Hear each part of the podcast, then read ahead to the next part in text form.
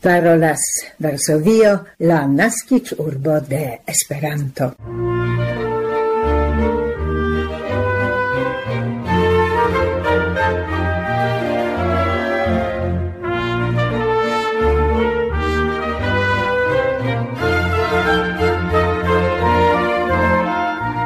varme salutas ciujn auscultantojn de nia Esperanto-elsendo, kie ajn atingas ilin nia voĉo, la tuta skipo de la Pola Retradio kaj hodiaŭ aparte Barbara Pietrzak, Milada Szwedo kaj Maciej Jaskot. La kwinan de decembro 2023 en Varsovio regas bela sonplena tago, tamen tago frosta kaj neĝo blanka. Estas do tempo por nia 1287 programo, en kiu vi audos kulturkronikain informojn, arkivan felietonon, kiu rekondukas nin alla visitinda en la occidenta Pollando loco Wagów. Esperanto komunumajn informojn kaj fine ni invitas por la leterkesta renkontiĝo. En la komenco de la elsendo audiĝas kultur kronika informoj.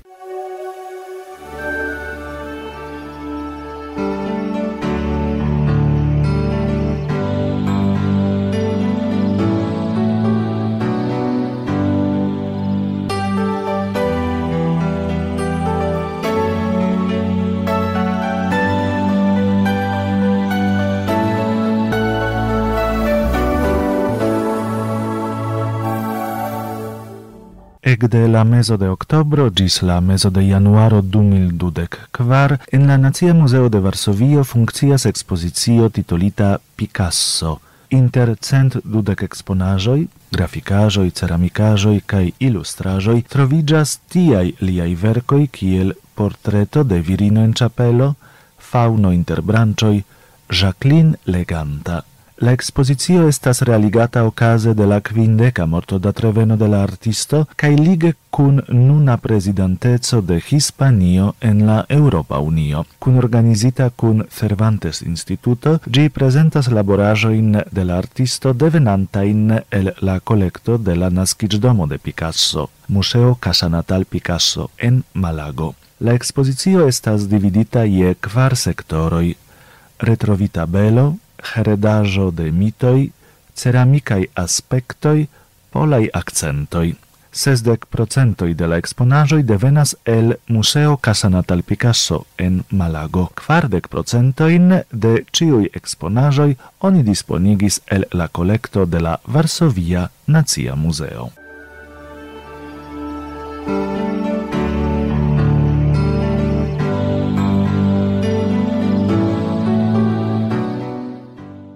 la Varsovia Arkidioceza Museo gis la sepa de januaro 2012 kvar eblas rigardi pentrajoin de unu el la plej elstarai polai simbolistoi Jacek Malczewski.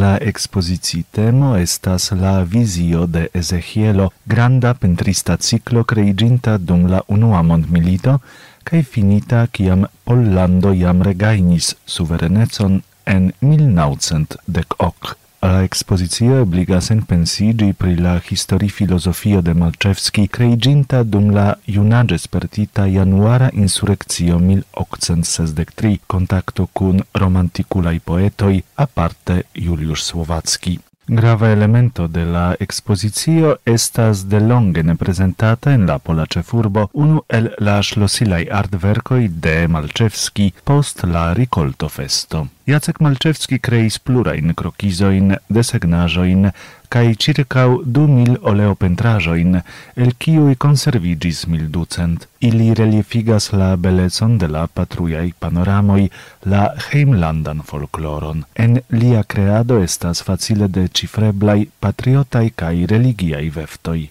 Jacek Malczewski mortinta la ocan de oktobro 1929, du jaroin antau sia morto perdis la vit capablon, la quindeciarigion de lia arta laboro omac honoris expozicioi en Krakovo, Poznano, Varsovio cae Lvovo.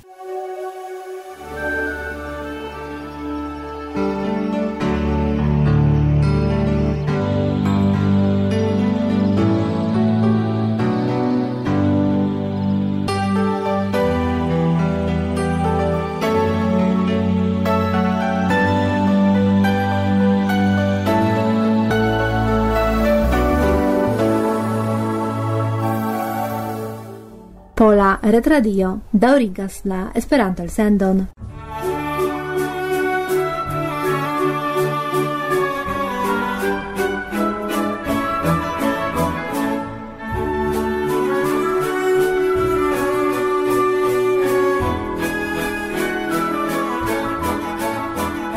En Pollando trovigas ec ses villagioi cun la sama nomo Waguf. – Ni tamen invitas vin al tiu en la occidenta Pollando. Gia blazono, internazie conata, presentas la blancan maltan crucon, usatan de la Johannita ordeno, difinata ancau kiel hospitalanoi, au la Malta ordeno.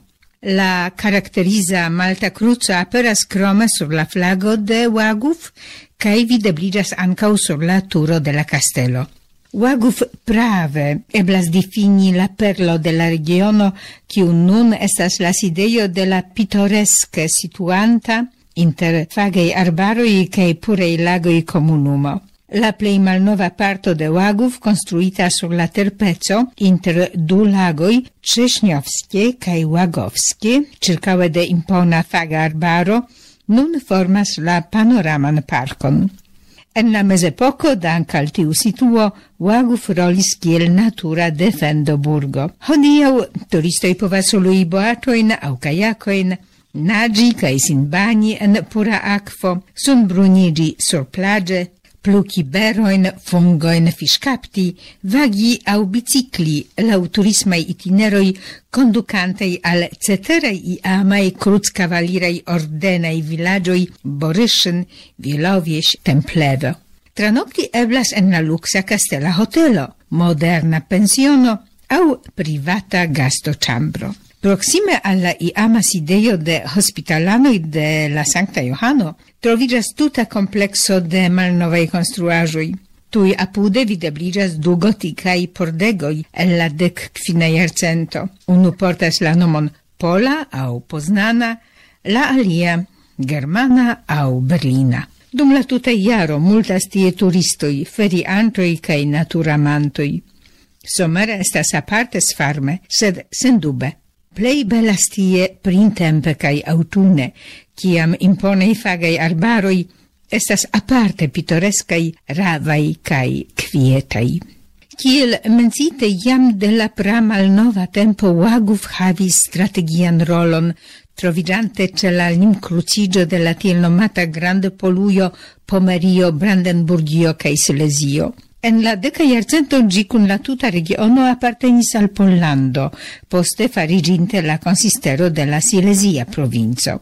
Mese de la dectria iarcento Waguf transiris en la manoin de germanei margrafoi. Cent iaroin poste Oni comence ludonis gin alla hospitalanoi, kiui tre baldau ricevis la raiton el construi tie masonitan fortreson.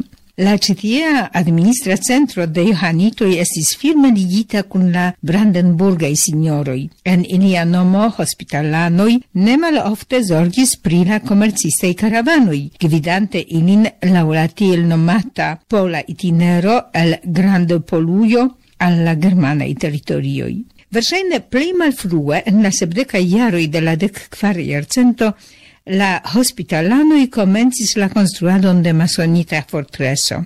Malgrau tio che la castello troviris en enorme malfacila laŭ la geopolitica vid vidpunkto regiono, gi en la dauro de sia tuta historio estis siegiata nur un foie, cetere sen successe che ocasis en la dauro de la tridekjara milito 1610-1640. Tiam hospitalanoi jam de centiaroi estis protestanta ordeno, kio ebligis alla ordeno membroi esigi, kvankam tio minasis che la ordenei havajoi eridos. Tamen, spita mal tranquilloin, la trovigiante sub la protecto de la margrafa administracio, Economie cae militare fortai, maltei cavaliroi, poi iome plu construis la defendo resideion. Lau inia iniziato la urbo estis circa construita per la defendo murego. Signifa evolu etapo de Wagów ligiras cun la unua iaroi de la dec oca iercento. Tiam estis construigita pregeio, Kaiwaguf ricevis considerindajn urboraitoin, ebligantojn al ĝi interalie preni acciso imposton kai organizi tri bazarojn dumjare. Tiam estis inaŭguritaj transformiĝoj ebligantaj, che con la tempo fluo modesta urbeto transformigio en konatan kaj ripos locon. En la 1810 iaro, en Prusujo la Malta ordeno estis likvidita, kaj in havaĵojn transprenis la stato. Sep jarojn poste la prusa Regio donasis la fortreson kun ciui giei havajoi, en kies aniris parcos o giardeno, ses bienoi, al sia diuncto. Kaj tiel, gis la fino de la dua mondmilito, Waguf estis privata propraĵo. Gia lasta posedanto estis la familio von Pukler. Intertempe tamen, en la 1932, Waguf perdis la urboraitoin. Post la milito la caducan construajon comence administris la Pola Societo de Arthistoriistoj, sekve la musica Societo de Henryk Winiawski. Post la renovigo en la sepdekaj iaroi la iama Johanita Castello servas kiel hotelo unue por la clientoi el la pagipovaj landoi. Nun gi estas alt classa hotelo, malferma al ciui ciui ne multe zorgas pri la monui provisoi. Tamen la Castello Hotelo ne plu estas visitebla.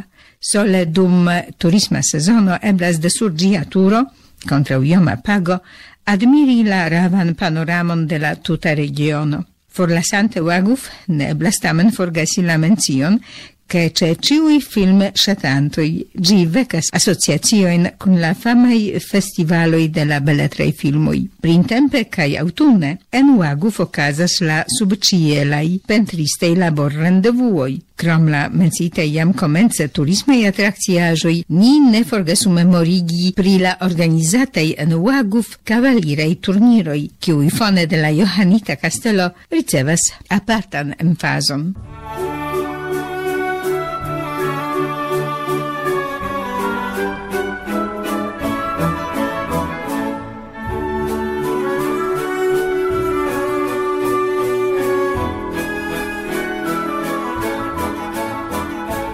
Vi audas la programon de la Esperanto-Radio Varsovio.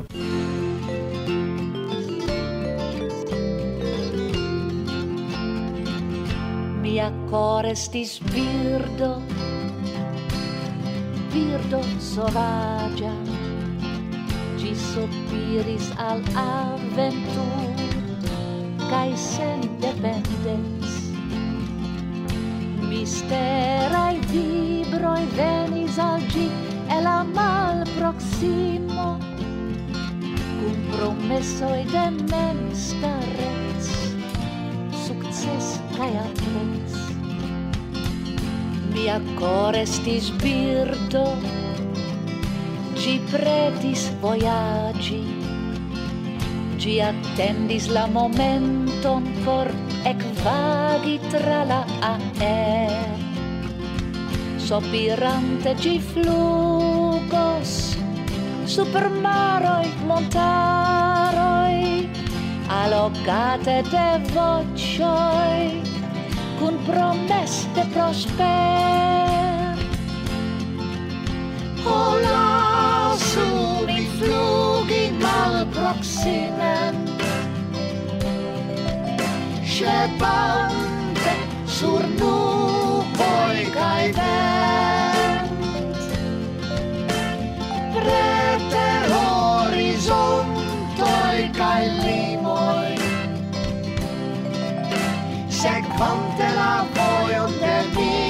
temperament.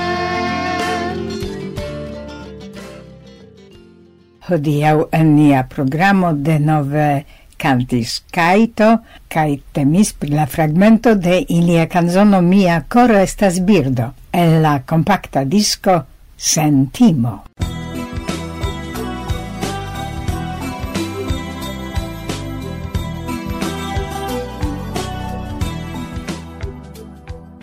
Dum la fermo de la quara virtuala congresso de Esperanto la 26 de novembro 2023 estis anoncita la nuniara premio Grabowski. La premio en la altezo de 800 usonai dolaroi estis attribuita alla eldona teamo de militra conto. Javier Alcalde, Pascal Dubourg Glatigny, Catherine Gusseff kai Ulrich Linz. Tiel estis honoritaj iliaj elstaraj individuaj kaj komunaj kontribuoj al la studo pri la historio kaj kulturo de la Esperanto-movado kun aparta enfokusigo de la tutmondaj konfliktoj en la dudeca jarcento. Ilia kolektiva agado en la formo de la esplor programo Militra Conto rilatas alla transnazia imago pri la dua mondmilito en la plej vasta senso, la uvid vidpunkto de la esperantlingvaj fontoj. En la iniciatita de ili retejo regule aperas kontribuoj kaj aktualaĵoj de internacia esplorgrupo, cium gvidas la nuniarei Grabovski premiitoi. La premio Grabowski estis iniciatita en 1982 dank alla starigita fondajo Antoni Grabowski base de kontrakto inter UEA kun la mecenato Adam Guralski, kiu dum vive helpis la administradon de la fondajo. La premio kaj la fondajo celas subteni la esperantan kulturon. La regularo por disdono de la premioi kaj subvencioj estis no formulita en 2017 la jurio de la fondajo Antoni Grabowski aktuale consistas el Jesper Like Jakobsen, Istvan Ertl kai Mariana Evlogieva.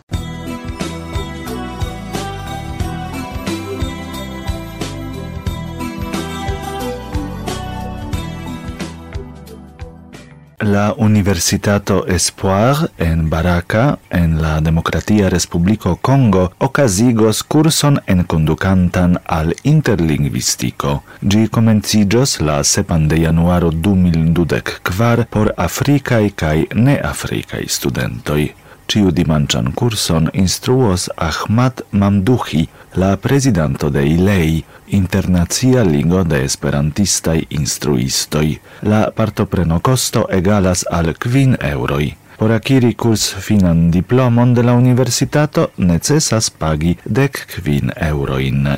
Samtempe, cadre de la Universitato Espoir en Congo, en Baraka jam la trian jaron okazas instruado per WhatsAppo, WhatsApp kiel informis Françoise Noiro, Françoiso, la nombro de la lernantoj kreskis kaj nun temas pri pli ol ducent homoj en tri WhatsAppaj grupoj. Paralele al tiu kolektiva kaj loza memlernado okazas individua kaj formala kursoj ne estas horo por konektiĝo kaj la studentoj kaj la instruisto respondadas al la mesaĝoj kiam ili estas disponeblaj. Ciu lernas individue, ciu lau sia propra ritmo, ciu la saman programon. Estas cent lecionetoi, tio estas dec serioi po dec lecionoi cun fina scriba testo per WhatsAppo.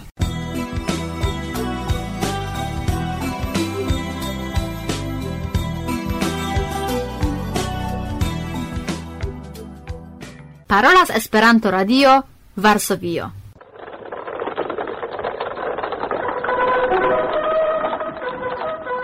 Post quelcae semainoi ni de denove gioias bonvenigi en nia lettercasta in ciuin auscultantoin cae radioamicoin dancante pro reagoi cae messagioi pro la disconigado de informoi pri niei programoi pri iniai unuopai fragmentoi. Iam de longe ni ne havis la ocason, danki pro la subteno de nia laboro, Kaj cifoje ni faras tion kun prokrasto, ne dependa de ni. Do, niei elcorei dankes primoi directiras al Molang kaj Ikuko Kazawa, kiuj memoris pri ni subtene en julio 2023. Kromain dankvortojn pro donaca helpo en julio ni ŝuldas ankaŭ al Yasuo Tabuchi. Varman dankon al vi ĉiuj. Bele surprizis min la confirma informoj i pritio che la nomoj de iui el niei conindei poloi ne estas tiom nekonataj kiel ŝajnus. Temas interalie pri Korczak Żółkowski, l'autoro de la rock sculptajo de Reneza Ĉevalo en Usono. James Ryan reagis informinte mi visitis tie en 1966.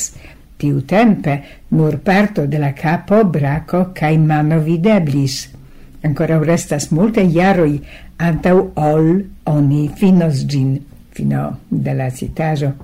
No, compreneble, dum la iaroi la laboroi grave progressis et se ne tro rapide, sed considerante che la tuto estas finanzata el publice collectatei rimedoi, la laboro imponas. Rilate al alia felietona hero informis nin Maria Mitzle, che en la tombejo de Gurzyn, Poznano, troviras la memorŝtono omaĝe al Kazimierz Nowak, per kiu ni felitonis pola mondvojaĝanto, tramigrinta circa quardec mil kilometrojn per biciclo, per piede, per cevalo, per camelo, per baato, per traino, tra Africo. Marie aldonas, che chiam si vizitas tie familiajn tombojn, ankaŭ ĉe la memorstono de Kazimierz Nowak si lumigas tombo torczon. Koran dankon pro eh, tiu ci informo, per la completigo eh, de niei informoi kiu ni ricevis pri Kazimierz Nowak per de la felietono. Sed ancau aliei programeroi, inter aliaj intervjuoj, elvokas eh, viajn reagojn, signoroi, do dankon Paolo Sergio Viana, proviei reconei vortoi rilate al niei interviuitoi la firmao Cosmo. Paolo scribas, la paro Sara Francesco scenas modela en nia moderna Esperanto movado. Ili estas por ni garantio pri estonteco, gratulon pro citiu inspira programero. Dankon, Paolo, pro via reago. Dankon Edmond Ludwig pro la reta adreso de la redaktoro de construado Kajero de Take, cun la permesso transdoni gin al nia lasta antaŭ mikrofona gasta Anna Skudlarska, dankon pro la tentigo che sia nomo forfalis al nia programinformo, kion niam correctis. Coran dankon pro via tentemo. Dankon Adrien Nilsson Hall, kaj Ricardo Cotigno, kiu rimarkis nian foreston en Spotify, pri kio en nia pagio reagis jam Bruce Crisp, kaj kompreneble ankaŭ per Spotify eblas de calca tempo jam ausculti niain programoin. Cetere Bruce accompagnis min dum la movad foira rencontigio en la novembra virtuala congresso presentante diverse manierein lau kiui eblas ausculti niain elsendoin. Evidente, ciam oni faras tion per nia retelio, la calculilo, instalita de brusca e funccianta de 1 de septembro 2012, montras jam pli ol kvarcent sesdek tri mil visitoin. La gisdatan statisticajon nia presentis dum la movad foirai rencontigioi la dudec trian de novembro je la decunua cae dudeca horoi la utoco permesso a mi dividi calcain ligita in continui rencontrigio in presso in do unua vice ambo rencontrigio estis bone frequentitai ciam de calcae personoi estis cum ni en la clas chambro actualei auscultantoi cae tre malnovai, exemple in la sepdecae iaroi, cis auscultativezo malcrescis, estis personoi, ciui entuten auscultis nien programoin. Dum quelcae personoj declaris ŝaton de ciui programeroi, estis ancau aliai, kiujn interessas cigoi, sed ne exemple historiei temoi. Onis Oni scivolis, ciu eh, en niei elsendoi audiras musico, cae prinia program filosofio ĉi rilata, limigita ja per la autorei raitoi, ni ja informis. Unu el la partoprenantoj, partoprenantinoj proponis konstantan programeron pri Esperanto-historio en niaj elsendoj. Tio estas tute nova propono, kaj ni multe scivolas pri la opinio de niaj aŭskultantoj, do ne, ne avaru eh, kaj sendu ilin al ni.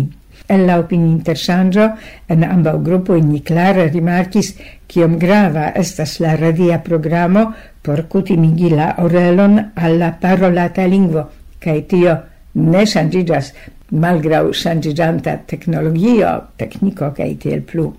Pri tio parolis kaj personoi kiuj iam akiris plenan kaj bonegan lingvokonon, kaj ĉeokaze evidentigis ke aparta avantaĝo Estas la auscultado de la sendoi pere de YouTube, kio donas la ŝancon laŭ plaĉe reguligi la parol ritmon, kaj fakte tion eblis eĉ demonstri dum tiuj ĉi renkontiĝoj, kio gravas, ĉar pri la aferon ni informas en ĉiu programinformo, kiu akompanas niajn elsendojn, sed oni eble ne donas al ĝi ĝustan atenton.